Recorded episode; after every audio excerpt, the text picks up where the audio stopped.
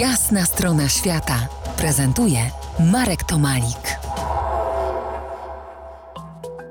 Po jasnej stronie świata Jan Dziubyna, animator tradycji i kultury łemkowskiej, współtwórca osady edukacyjnej w Gładyszowie w Beskidzie Niskim. Z poprzedniej opowieści wiemy, jak wygląda Łemkowska chyża, czyli dom chłopa. To teraz powiedzmy, powiedzmy, że jesteśmy po dobrym śniadaniu. Weźmy się za, za robotę, a tej dookoła nigdy, nigdy nie brakowało. Zacznijmy od lnu, bo ten dawał i strawę, i odzienie. Na Łemkowszczyźnie uprawiano len pasjami. Jeżeli chodzi o len, to tak jak pan właśnie powiedział, len żywił i ubierał, można by powiedzieć. Każdy uprawiał jakiś tam większy, mniejszy zagon. To wszystko zależało od tego, jak liczna była e, między innymi rodzina, dlatego że z słomy lnianej robiło się włókno i potem nici, a z tych nici już zwykle albo płótno, albo ewentualnie jak była potrzeba taka, to jakieś powrozy.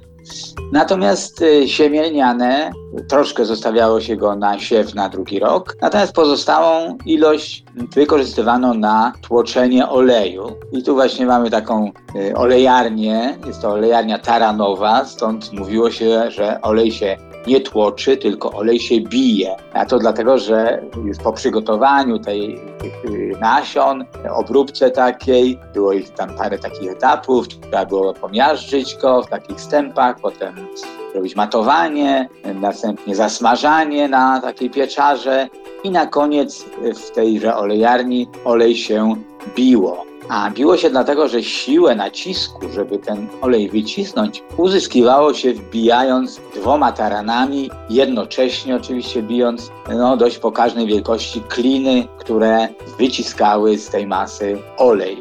I ten olej używało się nie tak jak teraz, że smażymy na nim jakieś tam frytki i tak dalej. Kiedyś wiadomo, frytek nie znano, a używano go do omaszczania, jako tak zwaną omastę, polewając po ziemniakach, kapuście, jakichś tam kluskach i tak dalej.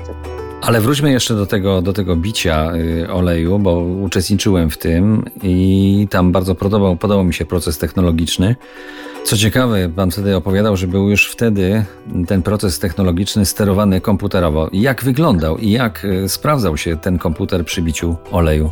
To znaczy, e, tym komputerem był w pewnym sensie właściciel olejarni. Taka olejarnia była jedna na kilka, kilkanaście wsi czasem. Każdy wykonywał tą pracę samodzielnie, natomiast właściciel tylko nadzorował, żeby te poszczególne etapy były odpowiednio dobrze wykonane. Żeby litr oleju uzyskać, trzeba było przeznaczyć na to 4 kg lnu i mniej więcej ze 4 godziny roboty. Bardzo pracochłonne i materiałochłonne.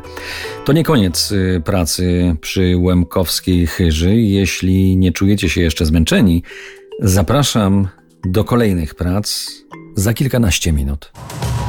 To jest jasna strona świata w RMS Classic.